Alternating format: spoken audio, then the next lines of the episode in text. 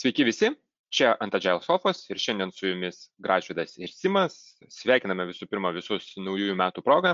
Ir, na, tą naujųjų metų progą turime tokią temą šiandieną e, padiskutuoti, e, kuri turbūt aktuali, nes, na, naujieji metai yra planavimo laikas, planuoja komandos savo užduotis, roadmapus ateinančiam metam. Ir, na, labai svarbu planuojant yra toks dalykas kaip priklausomybės. Na ir šiandien ne apie rūkimą ir ne apie alkoholizmą, šiandien apie komandų priklausomybės, užduočių priklausomybės, kaip galime na, tas agile komandas padaryti kuo labiau nepriklausomos nuo kitų, kaip valdyti tos dependencijas angliškai būtų šios priklausomybės, ar ne. Tai šiandien padiskutuosim apie tai, galbūt tikrai pravers ateinančiais metais ir na, planuojant naujus darbus šie, šiems 2021. Tai simai aš galbūt ir pradėsiu. Pirmiausia, nuo to, kad na, pabandom apibriežti, kas yra tos priklausomybės, ar ne, kaip tu apibriežtum, kas yra tie dependencijas. Taip, sveiki visi, ačiū Gražvidai už puikų pristatymą. Kalbant apie priklausomybės, tai kas yra priklausomybės, galbūt nu, kaip ir aišku, kai mes esame priklausomi ir ne nuo kažko, bet kokią įtaką jos daro, čia yra įdomesnė perspektyva, į ką galėtumėm atkreipti dėmesį. Tai iš tikrųjų priklausomybė turi tam tikrą įtaką savo užduotim dažniausia. Mes, jeigu turime užduotį kažkokią ir turime priklausomybę, tai greičiausiai negalėsime tos užduoties pabaigti, tol, kol turėsime priklausomybę. Nes reikės tą priklausomybę išspręsti vienokiu ar kitokiu būdu, ar patys išspręsim, ar, ar kiti mums padės ją išspręsti. Aš manyčiau, kad tai yra pagrindinis aspektas, į ką reikėtų atkreipti dėmesį. Ne tai, kas yra priklausomybė, bet kokią įtaką ta priklausomybė mums daro. Tikrai taip, sutinku, bet e, tų priklausomybių irgi būna įvairių, ar ne? Na, mes viena vertus esam vieni nuo kitų priklausomi komandoje, savo pačioje uh, Agile komandoje, kita vertus komanda yra priklausoma galbūt nuo kitų komandų ar netgi kitų departamentų, jeigu mes turim didelį organizaciją ar ne. Tai, na, turbūt ir tos priklausomybės šiek tiek skiriasi tuo atveju ir kaip jas valdyti galima skiriasi. Jo labiau mes e, turbūt galim turėti na, vienas priklausomybės, kurias planuodami galim nusimatyti ir turėsim savotiškai planuotus tos dependencijas. Kita vertus, visada atsiranda dalykų, kurie bus neplanuoti, kurie, na, iškils ir mums reikės greitai išspręsti priklausomybės. Tai visų pirma, galbūt, kaip tu galvojau, kodėl mes turim tas priklausomybes, kodėl jos atsiranda, gina Agile komanda, tai turėtų būti nepriklausoma, mes turėtumėm turėti na, komandą, kuri geba praktiškai savo na, inkrementą sukurti pati, taip. Be, be papildomas pagalbos. Na, čia idealus pasaulis, ar ne? Turėtų toks būti. Dėl mes visgi kartais turim tas priklausomybės. Aš manau, graždai, kad čia geras klausimas ir nėra to tokio vieno atsakymo.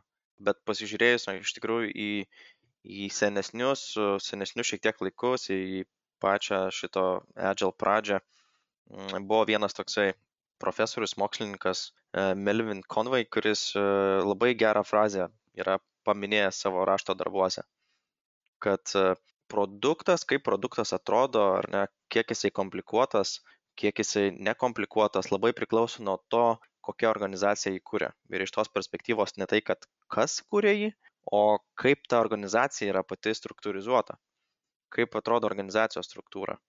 Tai aš manau, viena iš tų priežasčių dažniausiai, kurie yra, tai netobula organizacinė struktūra sukelia papildomų trukdžių ir priklausomybių e, atsiradimą komandose, ne tiek vienoj komandai, ką galbūt lengviau išspręsti, jeigu mes turim savo komandoje priklausomybę, bet ir tarp komandų.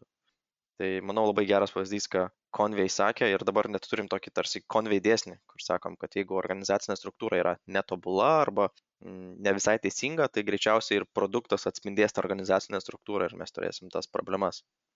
Architektūrinius kažkokius sudėtingus sprendimus, ar ne, kurie trukdys mums kažkada laikui bėgant. Taip, tikrai taip ne tik architektūriniai galbūt ir bus kažkokie kitokie, tai kažko, kažkokios ir kitos problemos, kurios tiesiog sukels, nes vienas dalykas bus sunku komunikuoti tarp komandų dėl netobulos struktūros ar ne, kitas dalykas ir architektūra gali pakišti koją, kaip ir tu paminėjai. O gal tu sakei, kad Agile komandos turi gebėti tarsi išsispręsti patys priklausomybės komandoje. O kokios yra tos problemos dažniausiai, kodėl mes ne, neišsprendžiam komandoje tų priklausomybių arba kaip, kaip su tuo mes dirbam, ką, kokios tavo patirtis? Jo, iš tikrųjų geras klausimas, jeigu mes kalbam apie na, komandoje, viduje vienos agile komandos priklausomybės, ar ne, tai dažniausios priežastis, kurios aš pastebėjau per savo praktiką, tai yra kelios. Visų pirma, yra netinkamas komandos dydis. jų reikiamam produktui ir paslaugai kurti, ar ne, jeigu mes turim, pavyzdžiui, per didelę komandą ir, na, automatiškai, kuo didesnė komanda, tuo daugiau komunikacijos linijų, tuo daugiau reikia susitarimų, galbūt e, atsiranda tam tikri darbų pasidalinimai, dažniausiai tuomet ir kompetencijų išsibarstimas būna didesnis, tai reiškia, kad na, komandoje būna daugiau skirtingų kompetencijų žmonių ir Mhm. galbūt tik tais kažkas gali padaryti tam tikrus darbus, ar ne? Aš noriu paklausti, gražvidai, va, tu užsiminiai, kad galbūt netinkamas komandos dydis, o, o kas būtų tas tink, tinkamas komandos dydis? Mes žinom tą teoriją, kuri sako, ar ne, kad kuriantys žmonės, developers, kaip naujas Kramkidas sako, na, turėtų būti 7 plus minus 2, ar ne? Na, čia yra ta, ta teorinė komanda, bet aš visada rekomenduoju atsižvelgti iš tikrųjų į tai, koks visgi yra poreikis kiek žmonių iš tikrųjų reikia sukurti tam konkrečiam produktui ir paslaugai, tam inkrementui, už kurį ta komanda yra atsakinga galų gale. Gali būti, kartais pasitaiko taip, kad to komandos dydžio galbūt reikėtų ir skirtingos, na, jud, einant komandai į priekį, ar ne, jie galbūt darosi efektyvesni ir panašiai, tačiau labai svarbu visada atsižvelgti į tą, kad na, galutinį, galutinį rezultatą, kurį mes norim klientui pateikti. Ir kartais galbūt nepabijoti šiek tiek performuoti komandos, tai be abejo neturėtų būti daroma per dažnai, nes tiesiog dinamika komandų labai išblaškoma. Tačiau, na, jeigu staiga pasidaro taip, kad mūsų produktas ar, ar, ar inkrementas yra visiškai kitokios paskirties, ar mūsų kompanijos fokusas na, šiais metais pasidaro visiškai kitoks, galbūt iš tikrųjų reikėtų įvertinti, kad na geriau iš karto sustruktūrizuoti šiek tiek pakeisti komandų sudėtis kad jie na būtų tinkama dydžiu ir kompetencijomis sukurti tuos produktus kuris pavyzdžiui šiais metais bus tikrai reikalingas bet na kad neatsitiktų paskiau taip kad pamatysim kad mum trūksta kažkokių kompetencijų arba kad čia nu mes kažko tai nespėjam jeigu per maža komanda arba tiesiog prasideda chaosas jeigu per didelė komanda ir mums tada reikės na neplanuotai tas komandas išblaškyti tai tie neplanuoti atvejai turbūt yra žymiai skaudesni negu kai mes nusimatom tam tikrą problemą. Kita galbūt dar priežastis vidinių tų priklausomybių gali būti ir tam tikrų įrankių trūkumas. Įrankių gali būti ir kompetencijų ar na, techninių įrankių, ar ne, kai na, mes turim kažkokį tai butelio kakliuką ir tai mus kažkiek stabdo, galbūt neturim kažkokių testavimo įrankių, kurie mus stabdo. Na, gali būti tiesiog įvairių įrankių ar technologinių dalykų trūkumas, kuris na, šiek tiek padaro mus priklausomais konkrečiai nuo įrankių šiuo atveju, ar ne?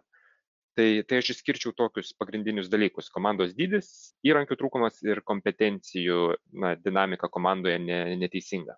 Kompetencijų galbūt ne tik tais skirtingus ryčių, bet ir tų vadinamų gilumo kompetencijų, ar ne, ar seniority kartais sakome, nu, kiek patyrę yra žmonės, kad galbūt jeigu surinksim vien tik tais jaunus uh, žmonės į komandą, vėlgi galime turėti tam tikrų problemų, nes visi klaus patarimo vieno kažkokio tai labiau patyrusio ir, Taip, ir ilgiau taip. dirbančio žmogaus. ar ne, ir užstriksim vėlgi- nežinomybėje. Taip. Tai va šitie trys dalykai - komandos dydis, komandos žmonių kompetencijos bei įrankiai dažniausiai yra, mano manimu, vidinių tų priklausomybių priežastys. Mhm. Kalbant apie priklausomybės, visai ne, ne per seniausiai e, skaičiau tokį straipsnį iš Scrum.org, vieno iš šaltinių. E, labai įdomu, kaip valdyti priklausomybės. Tai iš tikrųjų nieko tenais naujo ne, neparašyta ir ten buvo labiau iš Scrum perspektyvos, bet e, buvo įdomi kategorizacija, kurią, kurią norėčiau pasidalinti. Tai buvo penkios kategorijos, kas yra labai blogai, kaip mes darom, kas yra blogai, kas yra vidutiniškai, kas yra visai neblogai, jau gerai kaip ir, ir kaip, kaip e, komandos visai gerai valdo priklausomybės.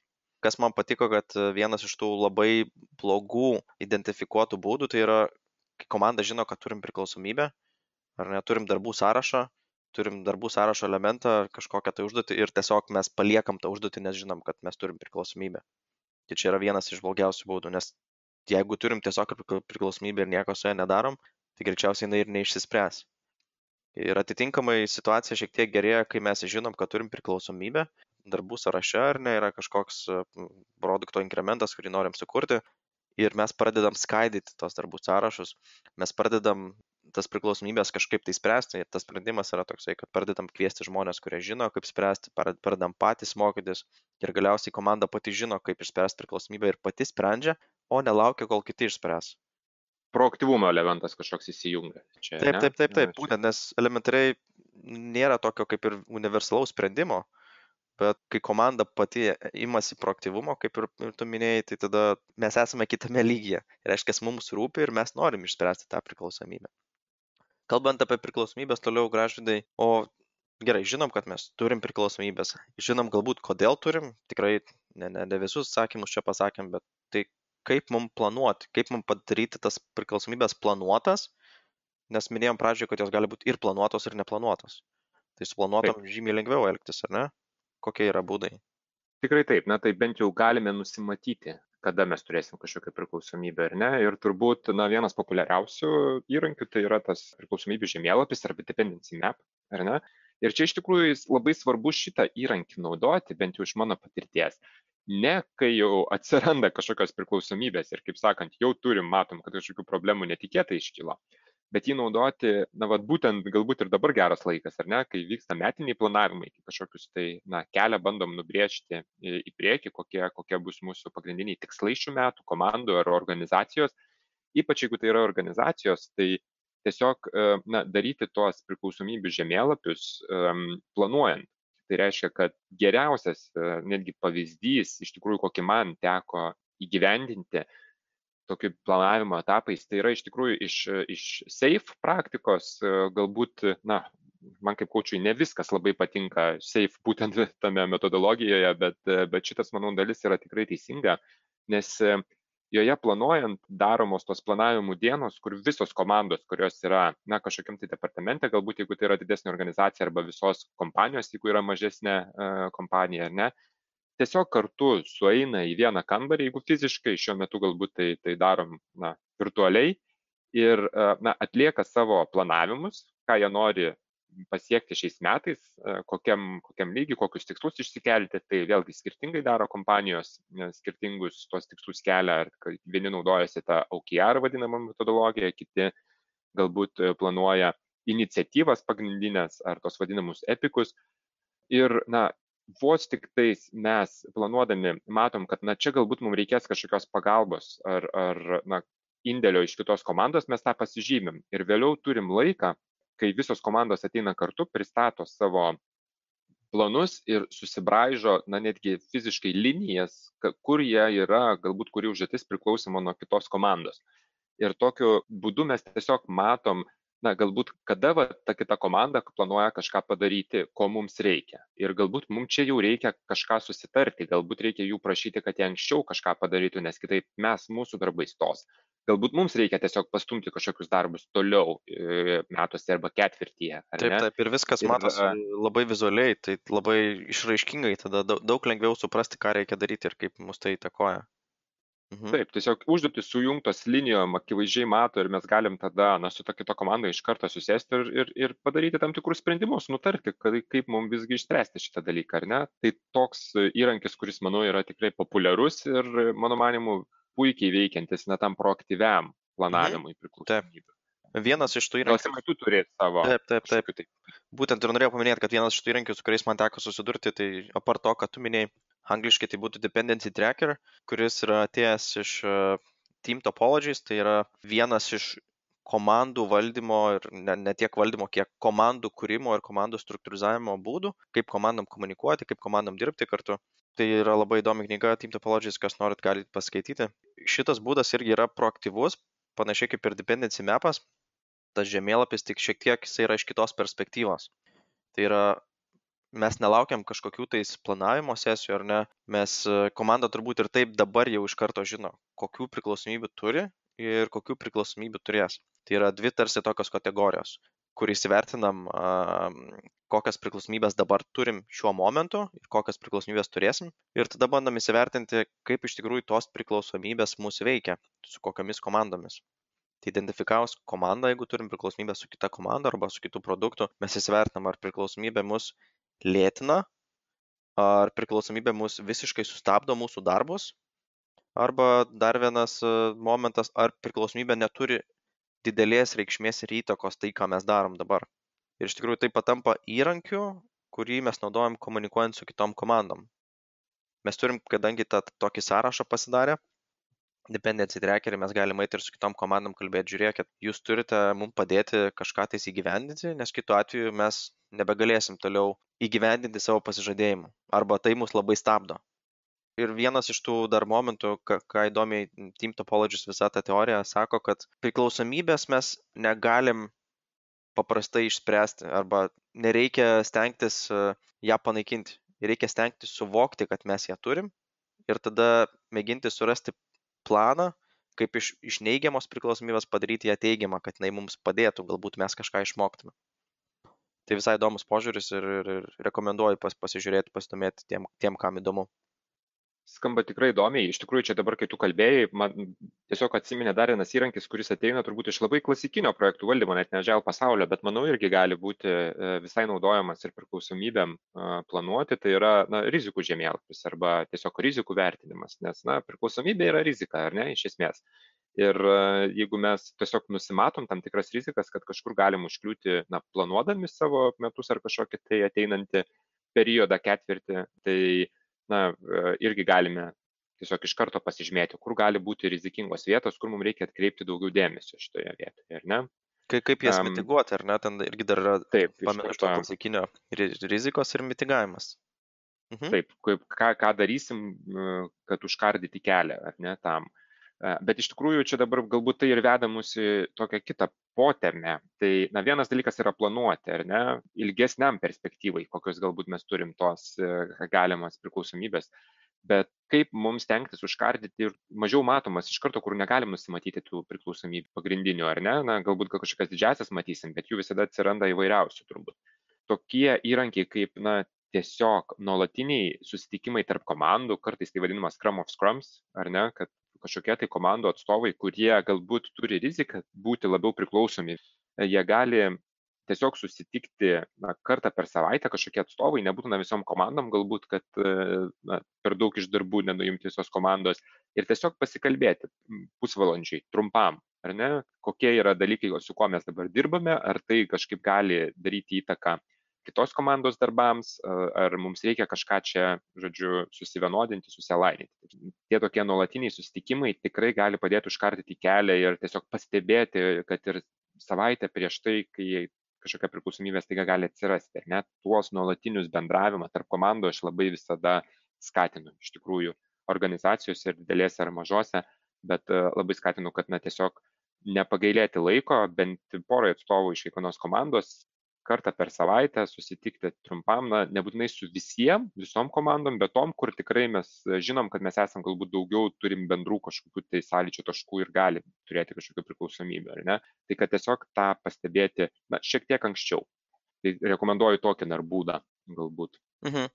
Aš tikrai pritariu tavo tam būdui ir, ir dar papildymas, iš tikrųjų, jeigu mes turime kažkokią tai techninę komandą, kuri kuria produktą ir, ir ta komanda jau identifikavom, kad ir priklauso nuo kitos komandos. Pavyzdžiui, viena komanda turi pateikti kažkokį paslaugą arba servisą kitai komandai, pasiekti tam tikrus duomenis arba gauti tam tikrą informaciją. Tai dar vienas iš tų būdų, kaip tą priklausomybę spręsti, tai iš ankstinis susitarimas, kaip atrodys tas, tas servisas, ta, ta teikiama paslauga iš vienos komandos kitai. Tai, tai svarbu tai pasidaryti iš anksto, susitarti galbūt, kas tai, kaip tai atrodys ir pateikti tą informaciją iš anksto, kad galėtų tiesiog komanda pradėti ruoštis ir dirbti tam. Tiek ta komanda, kuri gaus tą paslaugą, tiek ta komanda, kuri ketina paruošti tą paslaugą. Tai mhm. svarbu iš anksto susitarti, kaip tai atrodys. Kalbant apie IT ar ne konkrečiau, tai būtų kažkokie tais APIs. -ai. Tai būtų gerai iš anksto susitarti, kaip jie atrodys, kaip juos komanda naudos ir kaip kita komanda juos kurs. Tai padeda iš anksto mhm. išbėgti įvykiams už akių. Arba infrastruktūros kažkokie elementai, ne, kurie gali būti reikalingi, kada, kiek taip, mums taip, reikės taip. kažkokių pajėgumų ar ne iš anksto susitarti. Na, bet turbūt neišvengsime tokių dalykų kaip na, kažkokių tai neplanuotų priklausomybių. Ar ne? Na, ne, viską, ne viską galim suplanuoti ir Agile ir neskatina planuoti visko labai smulkiai, ar ne? Mes turim gebėti reaguoti teisingai. Kaip elgtis tada? Kokie tavo patarimai? Taip, ir tikrai tai būna, tikrai to neišvengsim ir, ir tai yra normalu, tai yra tiesiog dalis mūsų gyvenimo, ar ne? Mes turim patys irgi tokių stacijų, net ne tik darbe. Vienas iš tokių galbūt būdų, ką rekomenduočiau ir, ir kas matau, kad veikia. Tai jeigu jau pamatėm, kad yra priklausomybė ir komandos iš tikrųjų stengiasi būti lankščios, tai galbūt stengtis e, pasikviesti vienos komandos atstovus, kurie supranta, kame yra problema, kur yra priklausomybė, į, į tą kitą komandą, kuri bando išspręsti tą priklausomybę. ir, ir netgi sakyčiau, galėtų būti kažkokia darbinė grupė, kuri tam tikrą laiką bando kartu dirbti tam, kad išspręstų tą priklausomybę. Tai tiesiog turėti darbinį susitikimą kažkokį ir dirbti kartu bandant išspręsti. Bet iš kitos pusės gali būti taip, kad ta komanda, kur, nuo kurios mes esame priklausomi, negali padėti, neturi laiko, kitos priežastys ir panašiai. Taip dažnai irgi būna. Neaišku, kiek mes tada esame lankstus, bet ką mes galim daryti, mes galim imituoti, kad mes turim, turim ar ne tą priklausomybę išspręstą. Mes galim imituoti, kad mes turim tą rezultatą, kurio mums reikia, arba tą atsakymą, kurio mums reikia, arba tos duomenys, kurių mums reikia, kurie sukelia tą priklausomybę. Ir tada tiesiog imituojant turim kelis variantus, kaip tie duomenys gali atrodyti ar ne, arba kaip tas rezultatas gali atrodyti, kurį tikimės gauti. Ir tiesiog mėginti dirbti toliau, įsivertinus galimus nuokrypius tai ir pamėginti turėti tą rezultatą sukurtą iš, iš to, ką mes įsivaizduojam. Tai gali būti tikrai mhm. tokie būdai. Aš nežinau, ar tu kažkokiu dar papildomų būdų gražu tai matytum. Ne, iš tikrųjų, geri tavo pastebėjimai. Aš galbūt dar vėlgi žengčiau žingsnelį atgal, nedidelį, ar ne?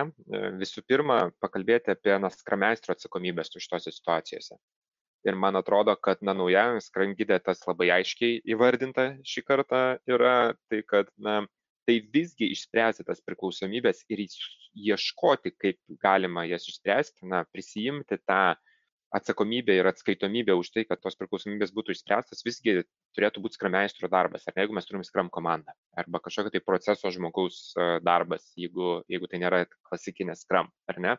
Galbūt agile coachas gali padėti, galbūt kartais, na, kažkoks tai komandos vadovas, kažkoks lyderis e, turi prisijimti šitas atskaitomybės. Bet e, linko linkstu, kad labai svarbu turėti tam tikrą žmogų komandoje, kuris e, na, turėtų prisijimti šitą atskaitomybę ir, ats, ir atsakomybę už na, tų priklausomybių sprendimą, tų neplanuotų priklausomybių sprendimą. Tai kad mes sutartumėm iš anksto, kas bus tas žmogus, kuris na, eis, aiškinsis, nebūtinai jis pats išspręs, bet jisai eis, ieškos, kalbins vienus, kalbins kitus, kažką pasitelks iš savo komandos, jeigu jam reikės papildomos informacijos, bet jisai bus tas proaktyviai stengiantis na, rasti tą sprendimą, ar ne, siūlantis variantus, e, galų gale padedantis pasirinkti tarp kelių variantų, jeigu reikia, išdėstyti pliusus, minusus ir pasirinkti teisingą. Tai labai svarbu turėti tą būtent atsakomybę, atskaitomybę kažkokioj tai rolėje, ar ne, ar tai skrameistras, ar, ar bet kokia kita, nesvarbu, bet kad iš karto būtumėm sutarę, kad kas bus tas žmogus, kuris proaktyviai atliks šitą darbą.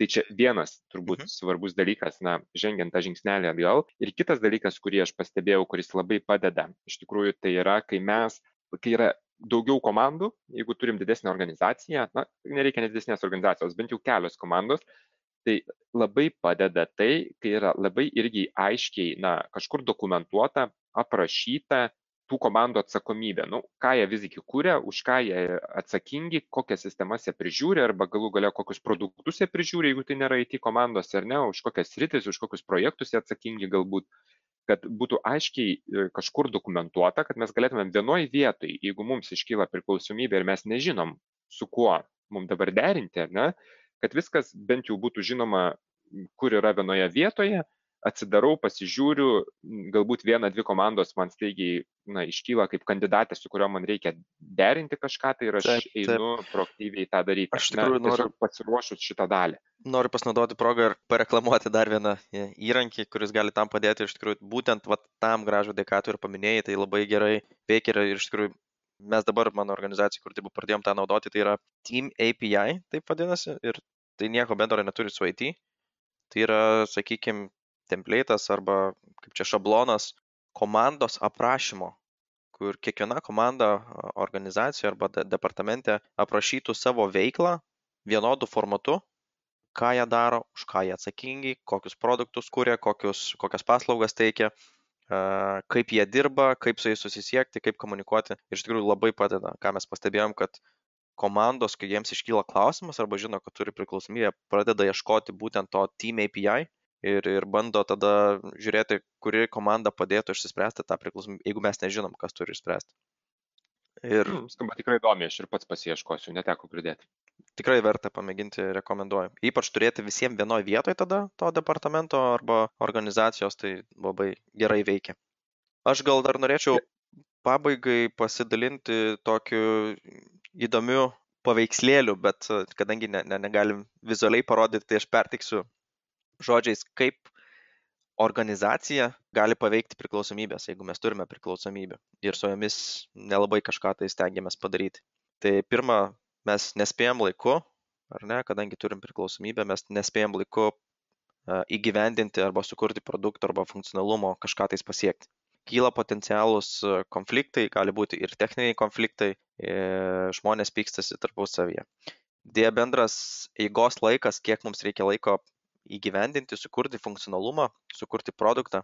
Komandos stresuoja natūraliai ar ne, nes didėja bendras laikas, mes nespėjom, ką, ką mes žadėjom padaryti, pradedam konfliktuoti ir skaldytis tarpusavyje, tai nebūtinai jau e, tarp komandų, bet jau ir komandoje, kuria tokią neigiamą atmosferą, mes sukuriam dar daugiau priklausomybių susiskaldę ir komandos viduje, ir tarp komandų. Ir potencialiai mes tada sukuriam dar daugiau priklausomybių ir sukurdami dar daugiau priklausomybių mes turim dar didesnę riziką nesuspėti laiku ir vėl visas ciklas kartojasi.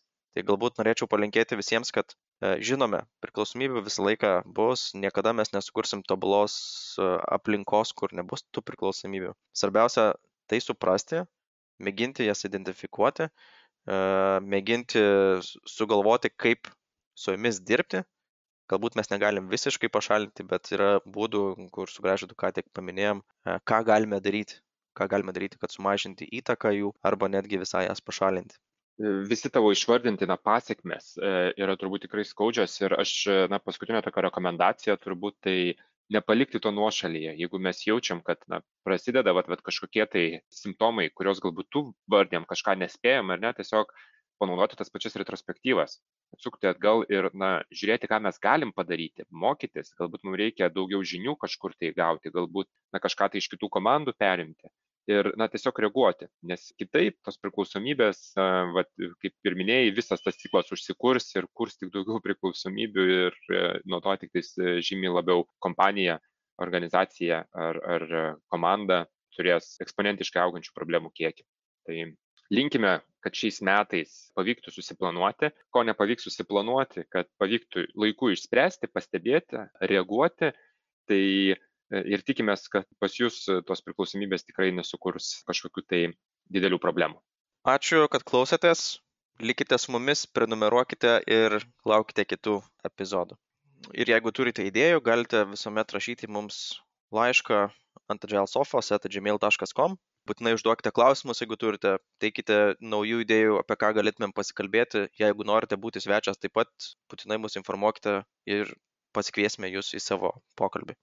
Linkime jums e, sėkmingos e, metų pradžios, sėkmingų visų ateinančių metų, e, sėkmės ir iki susitikimo kitose įrašuose. Viso.